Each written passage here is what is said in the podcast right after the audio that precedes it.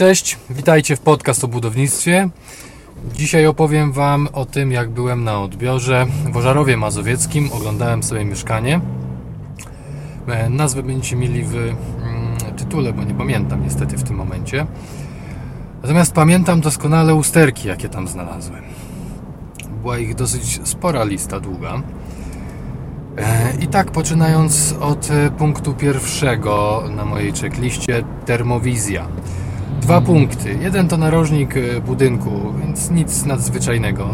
W takich miejscach często się zdarza, że jest e, mostek termiczny.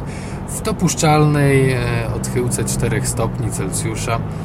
Ale warto to obserwować, tak? Narożnik pokoju, ktoś tam sobie postawi mebelki, to, to warto za nie czasem zajrzeć, żeby zweryfikować, czy tam nic się nie dzieje.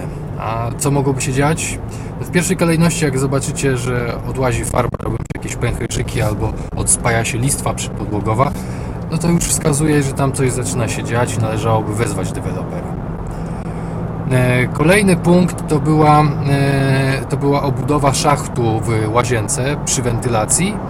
No i od razu wziąłem miernik wilgotności, okazało się, że tam po prostu coś pociekło. E, Potem się dopatrzyłem, że są faktycznie plamy na suficie.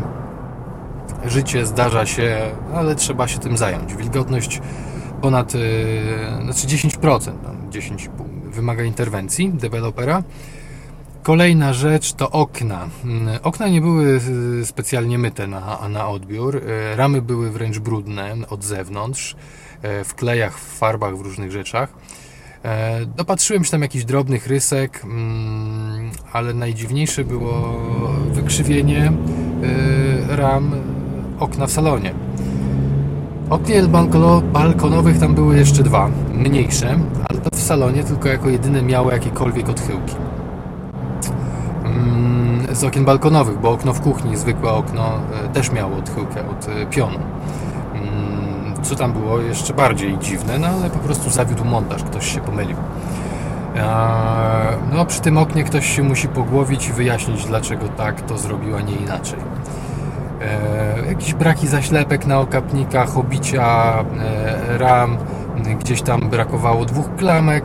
Nie wiem, jak można oddawać e, lokal bez klamek, żeby nie można było otworzyć drzwi balkonowych. Dość absurdalny pomysł.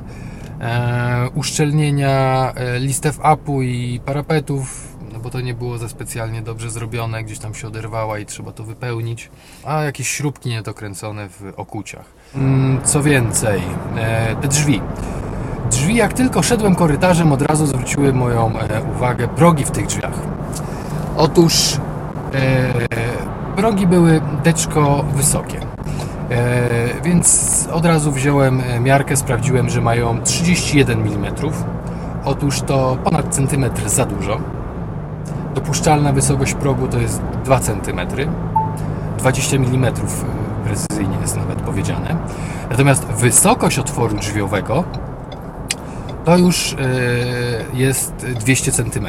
Tu było 190 dalej tynki. Sporo rys, e, sporo przebarwień e, wskazujących na jakieś tam zawilgocenia, które miały jeszcze miejsce. I teraz pytanie, panowie malowali ściany zanim wyschły, czy potem jeszcze doznały jakichś zawilgoceń? Ciekawostka, nie? Jakieś tam ubytki e, w ścianie, gdzieś tam pod rurą kanalizacyjną uzupełnić, przebijający kabel od instalacji elektrycznej w łazience. Pozostaje jeszcze kwestia e, korozji biologicznej.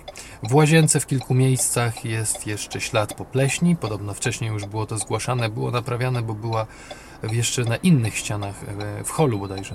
Dalej będą wymiary. Otóż wymiar korytarza dłuższego niż 1,50 m nie może być wtedy korytarz węższy niż 1,20 m. A tu korytarz miał 119 cm. Znowu centymetr zabrakło, żeby spełnić warunek warunków technicznych.